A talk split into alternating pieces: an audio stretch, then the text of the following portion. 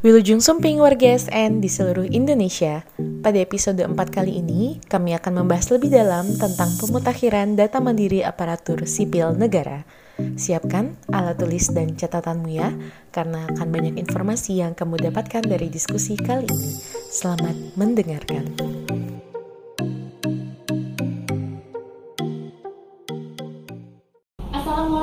Wargi BKN, selamat siang, selamat berjumpa kembali dengan kami kantor Regional 3 BKN Bandung dalam acara Bincang Santai. Kali ini dipandu oleh saya Dwi Sundari.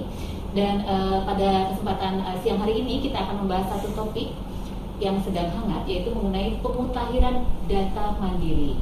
Uh, telah hadir di tengah-tengah kita uh, narasumber kita yaitu Bapak Dudi Herpendi Eskom MSI Beliau adalah Kepala Bidang Informasi Kepegawaian pada Kantor Regional 3 BKN Bandung.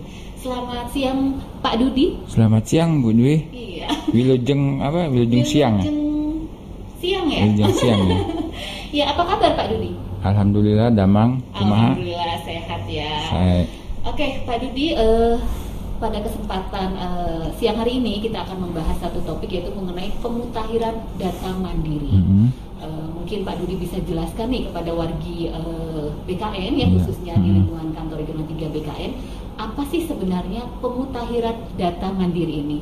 Ya pemutakhiran data mandiri itu kalau secara bahasanya itu kan pemutakhiran Mbak ya. Maksudnya mengupdate atau meremajakan lah gitu. Nah, ya persoalan kita kan sekarang itu kepegawaian itu datanya ada yang tidak update gitu ya. Nah, ini sebenarnya pernah kita lakukan di 2015. Iya. 2015 itu namanya PUASN, pendataan ulang PUPNS Ba, PUPNS, PUPNS, ya, ya, ini koreksi itu masih fokus ya. pegawai negeri Iya. sipil ya. PU PUPNS 2015 itu pernah kita lakukan. Iya. Nah, 2015 itu eh, menggunakan berkas. Jadi PNS-nya me- menyiapkan berkas-berkas yang yang mereka miliki, kemudian nanti diverifikasi, diverval oleh eh, BKD, kemudian di eh, BKPSDM ya, kemudian oleh kantor regional, kemudian juga BKN sesuai dengan jenjang kewenangan masing-masing instansi tersebut. Nah, di 2021 ini kita sama ini akan melakukan hal itu karena yang 2015 kemarin belum sukses gitu. Nah, ini juga dalam rangka untuk mewujudkan data Indonesia satu, satu data Indonesia, satu data Tujuannya Indonesia ya Pak ya. tujuannya ke sana ya jadi kita pun harus memiliki data kepegawaian yang akurat jadi satu sumber saja gitu yang BKN yang punya nah sekarang yang membedakan 2015 dengan yang sekarang itu kalau 2015 kemarin itu menggunakan eh, secara berkas fisik ya. Artinya kemarin itu berapa juta pohon yang kita tebang untuk melakukan Iya, PUPNS nah Iya. sekarang ini kita memanfaatkan teknologi. Jadi kita menggunakan eh, aplikasi. Itu masing-masing pegawai kan pasti punya handphone gitu ya. Nah, kita menggunakan aplikasi namanya My SAPK. My SAPK. My SAPK. Jadi Bisa nanti di- bisa di-download ya? bisa di-download. Ya, sekarang juga ya sahabat dari ASN itu bisa mendownload. Cuma ada syaratnya. Ya. Ini yang akan kita bahas sekarang ini. Jadi tonton dulu terus ini ya, jangan jangan di-skip ya, jangan di-skip Jangan tonton di-skip. sampai Jadi sampai habis. wajib, Wajib hukumnya. oleh seluruh, Seluruh ASN, ya. Karena ini eh, bukan hanya untuk PNS saja ya Pak ya? Bukan. Bukan. Kan sekarang itu namanya kita Undang-Undang 5 sekarang ya. Itu kan ada namanya ASN ya. Ada yang PNS dan ada yang PPPK. Iya. Nah, itu semuanya juga harus melakukan pemutakhiran terhadap data kepegawaian mereka. Iya. Oke, eh, menarik sekali ya wargi BKN ya. Cuma eh, kita akan lanjut ke ini Pak Dudi. Kira-kira tahapannya apa sih yang yang kita lakukan di Oke. kegiatan pemutakhiran data mandiri ini? Tapi sebelum kita ke tahapannya, Ya. kita harus eh, informasikan dulu nih. Mhm. Kalau 2015 kemarin itu kalau bagian tidak mendata, itu datanya akan tidak aktif Oh. di aplikasi kita. Ya kan? Oke. Jadi kalau sekarang ini jika tidak melakukan pemutakhiran data, layanan kepegawaiannya tidak kita proses. Jadi itu punishmentnya. Begitu pentingnya eh, apa namanya pemutakhiran data ini, yaitu maka bagi PNS atau ASN, eh, bagi PNS dan P3K gitu ya ASN yang tidak melakukan pemutakhiran data secara mandiri ini, maka penaltinya proses layanan kepegawaian mereka tidak kita kita proses lebih lanjut. Oke, akan di stop. wargi BKN ya. Hati-hati ya Pak ya, berarti Iya, harus hati-hati. harus hati-hati. Wargi BKN ingat ya, berarti eh, seluruh wargi BKN harus mengikuti kegiatan pemutahiran data mandiri karena ini Hmm. berdampak atau efeknya kepada layanan Betul. kepegawaian atau Betul. layanan mutasi kepegawaian Oke, ya Pak Dudi. hmm. Oke, bisa dilanjut barangkali Pak Dudi untuk Oke. tahapannya ya. Tahapan berikut. Jadi ini kita membagi fasenya gitu ya. Fase sekarang ini kita adalah fase untuk pra persiapan lah gitu. Pra persiapan artinya sebelum eh, si apa namanya ASN nanti melakukan eh, input data atau melakukan pemutakhiran, yang hal yang pertama yang harus mereka lakukan adalah membuat email.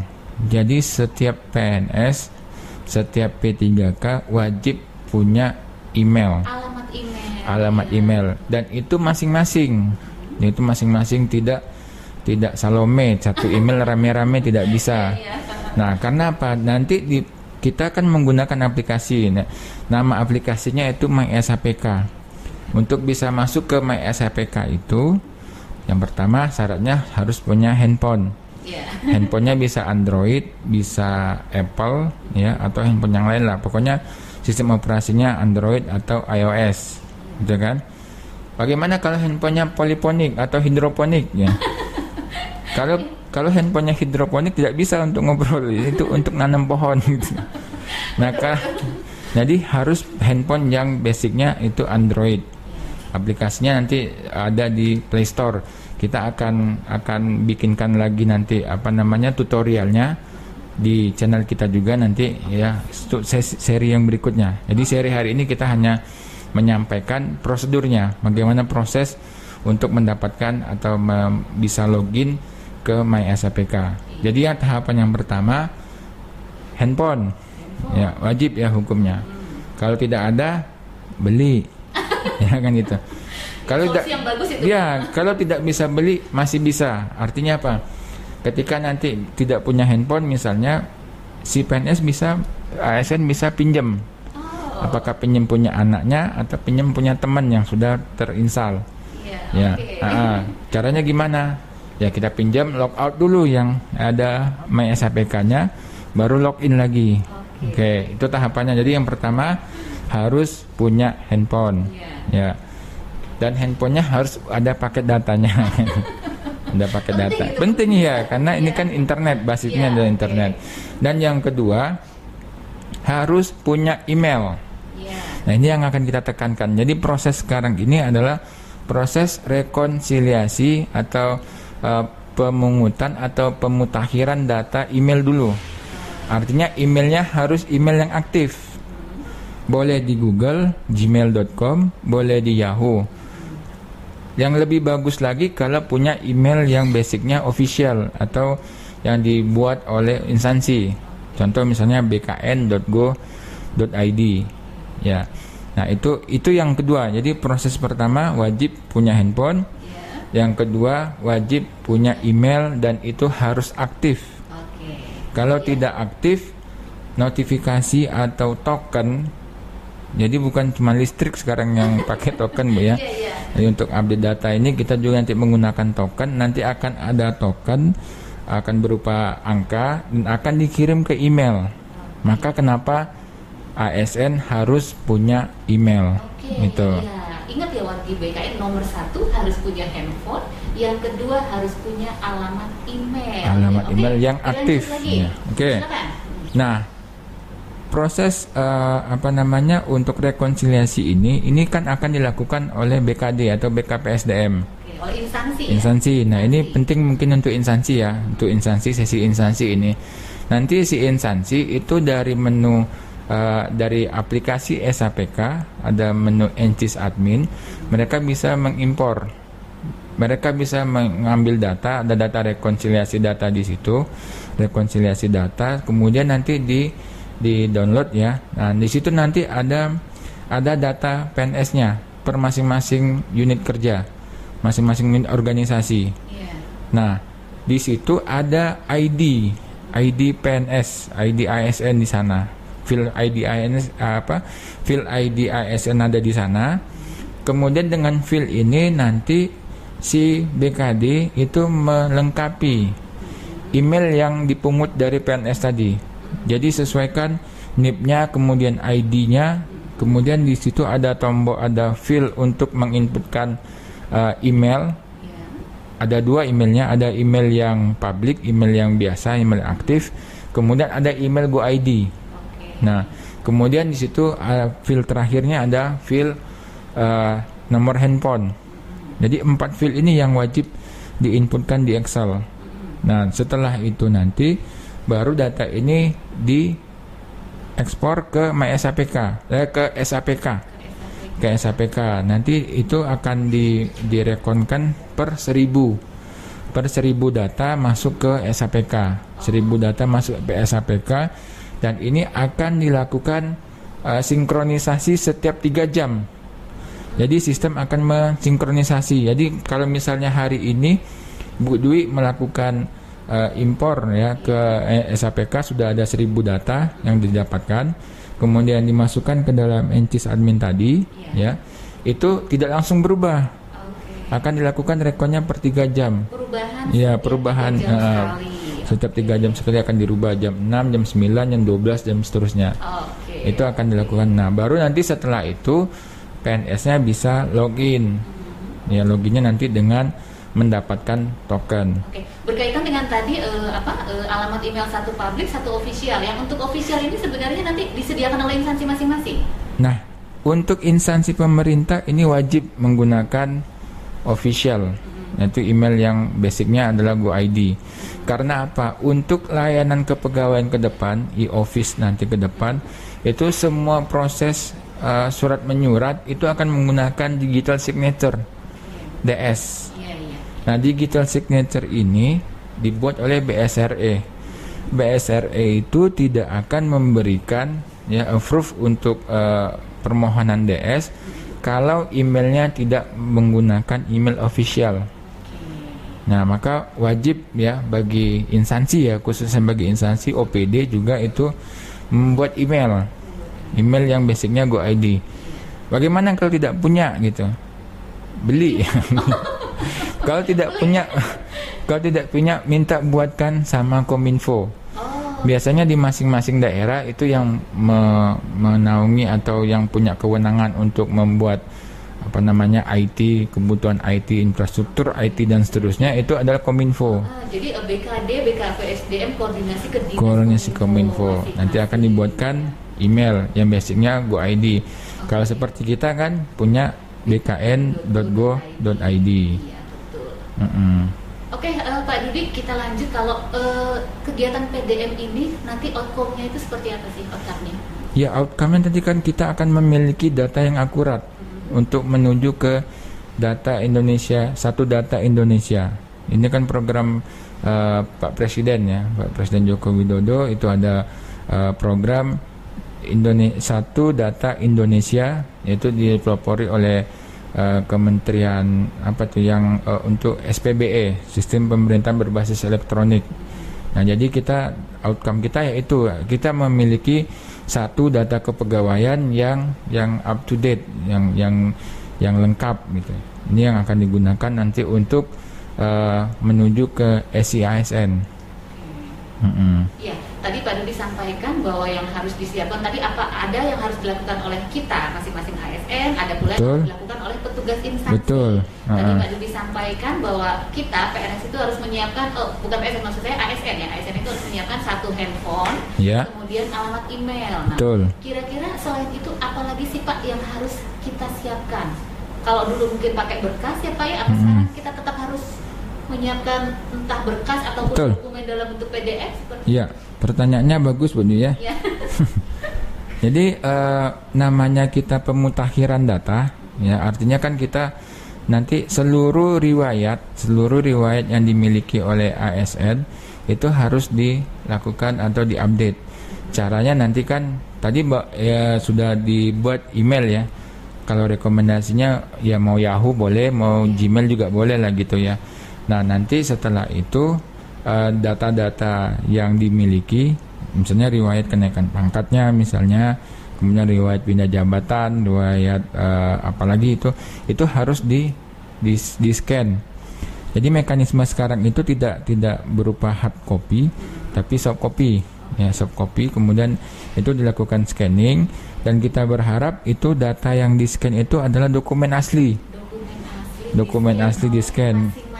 Masing-masing AS. masing-masing ASN nah, dokumen asli di scan dan nanti itu akan di verval sama prosesnya dengan yang se- 2015 ada proses verval karena ini kan data akan menyangkut perubahan perubahan eh, data kepegawaian mereka. Tentu harus ada verval vervalnya akan berjenjang. Yang mana menjadi kewenangan di BKPSDM kemudian yang mana menjadi kewenangan di eh, kantor regional dan kewenangan di BKN pusat tetap ada verval nantinya Iya. Jadi masing-masing uh, ASN ini melakukan uh, proses scanning secara mandiri. Iya, scanning Kemudian mandiri. Menyampaikannya ini setelah uh, apakah misalnya nanti ada penamaannya Pak, penamaan dokumennya? Di aplikasi kita sudah bangun di My SAPK itu sudah ada nanti jenis dokumennya. Jadi pemutakhiran data itu nanti ada pemutakhiran data KP, data sebagainya. Nah itu akan disesuaikan. Jadi kalau misalnya data Setelah proses scanning itu di My SAPK. di handphone tadi. Nah kalau misalnya agak terlalu kecil di handphone misalnya aplikasi My SAPK ini sama seperti aplikasi WhatsApp atau Telegram. Jadi nanti si ASN-nya tinggal scan. Kalau misalnya nggak mau pakai yang handphone, mau di desktop misalnya di di laptop atau di komputer, maka nanti dia tinggal ada nanti sama seperti WhatsApp tadi ya, tinggal di scan, pindahkan ke laptop atau ke PC. Nah gitu. Ha-ha. iya. Jadi kita bikin aplikasi ini yang dibikin oleh BKN Pusat itu uh, sudah user friendly lah gitu. Jadi bisa tidak bisa menggunakan handphone atau terlalu kecil misalnya, jadi gunakan PC atau laptop. Oke, iya. Mm-mm. Menarik sekali ya bagi BKN bincang siang eh, bincang santai kita pada siang hari ini ya mengenai eh, pemutakhiran data mandiri ya. Eh, baik Pak Dudi sebelum kita mengakhiri kegiatan bincang Mhm. santai pada siang hari ini barangkali Pak Dudi bisa sampaikan atau pesan-pesan apa lagi nih yang bisa disampaikan untuk eh, kita para ASN dan juga kepada eh, petugas atau pengelola kepegawaian di eh, instansi. Ya, ya di dalam proses eh, pemutakhiran data ini ya, pemutakhiran data dilakukan secara mandiri. Ini kan tujuannya apa? Tujuannya si ASN itu harus punya kepedulian terhadap data, terhadap data, terhadap data kepegawaian mereka. termasuk data keluarganya juga. Iya, data keluarga semua, data riwayat-riwayat itu harus kita eh, kemas dengan baik, simpan dengan baik gitu. Salah satunya ketika eh, si PNS ASN tadi membuat di apa di email tadi, di email itu biasanya ada fasilitas Google Drive-nya kalau di Gmail ya, ada Google Drive-nya itu kapasitasnya lumayan. 15 eh, giga kalau tidak salah ya 15 giga itu bisa disimpan di situ. Jadi semua dokumen-dokumen nanti di scan kemudian simpan di dalam folder. Misalnya data data kepegawaian lah misalnya seperti itu gitu. Nah, jadi kepedulian ASN terhadap datanya itulah nanti yang yang akan menentukan gitu ya data ini data kepegawaian kita ini. Mungkin begitu Bu Dwi. Oke, iya. Dan pada akhirnya tentunya untuk eh, tujuan kita adalah untuk pelayanan kepegawaian yang lebih baik lagi. Betul. Nah, karena kita sekarang sudah migrasi dari eh, sistem aplikasi kepegawaian eh, SAPK itu akan menggunakan SIASN, Sistem Informasi Aparatur Sipil Negara. Iya. Oke, eh, baik wargi BKN eh, kami rasa cukup sekian ya sudah jelas barangkali ini. Tapi sebelum closing, Bu Dwi, saya izin dulu satu ya sebelum closing. Boleh, boleh. Sebelum closing, ya kami ingin eh, menyampaikan kepada seluruh Iya. Pantun seluruh Pak. enggak Oh, bukan pantun kepada seluruh eh, apa namanya eh, ASN khususnya di wilayah Jawa Barat dan Banten ya karena ini penting dan tadi ada ada penaltinya ya ada ada ancaman eh, penaltinya. Bagi yang tidak melakukan dan tidak mengupdate data ini melakukan pemutakhiran data ini maka nanti layanan kepegawaiannya tidak akan diproses. Itu yang pertama. Yang kedua siapkan dokumen-dokumen dokumen-dokumen kepegawaiannya. Nah yang ketiga email tadi ya. Email tadi jangan lupa dan itu hukumnya wajib. Harus email yang aktif. Nah kemudian untuk yang sesi ini kan sesi kan pra persiapan Bu ya Iya. nanti di video berikutnya kita akan uh, buatkan tutorial Tutorial, tutorial untuk penggunaan aplikasi My SAPK iya. Nah, hari Senin nanti insya Allah kita akan bantu BKD, BKPSDM untuk mengumpulkan data email PNS. Kita akan buatkan satu aplikasi di mana nanti PNS tinggal login, masukkan NIP-nya, kemudian tinggal dia buatkan email yang aktif, email Sampaikan, menyampaikan di aplikasi tersebut. di aplikasi tersebut agar P- si BKD-nya terbantu gitu. Jadi mereka tidak payah lagi menggabungkan antara ID, NIP dan itusnya. Kita bantu nanti dengan membuatkan aplikasi. Nanti aplikasi ini nanti free dan kita akan launching nanti di hari Senin. Kita akan bagikan ke masing-masing SKPD, masing-masing BKPSDM. Mm-mm. Itu dilakukan secara Se- ada- kita ada kegiatan atau Tidak, kita nanti akan sampaikan linknya. Kita ada grup nanti di BKPSDM. Nanti dengan aplikasi itu nanti eh, PNS-nya akan menginputkan. Nah, tinggal nanti daerah nanti me- mendownload hasilnya. Oke. Ingat ya, download hasilnya itu nanti per seribu untuk menguploadnya lagi ke SAPK. Dan update-nya dilakukan sinkronisasi setiap tiga jam. Oke, ya. Mungkin itu saja Bu Dwi. Mm-mm. Ya, sudah cukup ya Pak ya? Ya, Nah, ini cukup. Durasinya juga. Informasinya nih Pak. Iya, Terima nah. kasih banyak eh, atas kehadirannya ya Pak ya di siang Iya. hari ini. Oke. Baiklah wargi BKN, eh, demikian acara bincang santai kita pada siang hari ini. Eh, mudah-mudahan memberikan manfaat yang besar untuk eh, kita semua. Tadi disampaikan Pak Dudi bahwa pemutakhiran data mandiri ini adalah satu kegiatan penting yang harus diikuti oleh seluruh ASN di Indonesia karena ini akan berdampak atau berefek kepada layanan kepegawaian. Eh, demikian yang dapat kami sampaikan. Terima kasih atas perhatiannya. Sampai jumpa di lain kesempatan. Wassalamualaikum warahmatullahi wabarakatuh.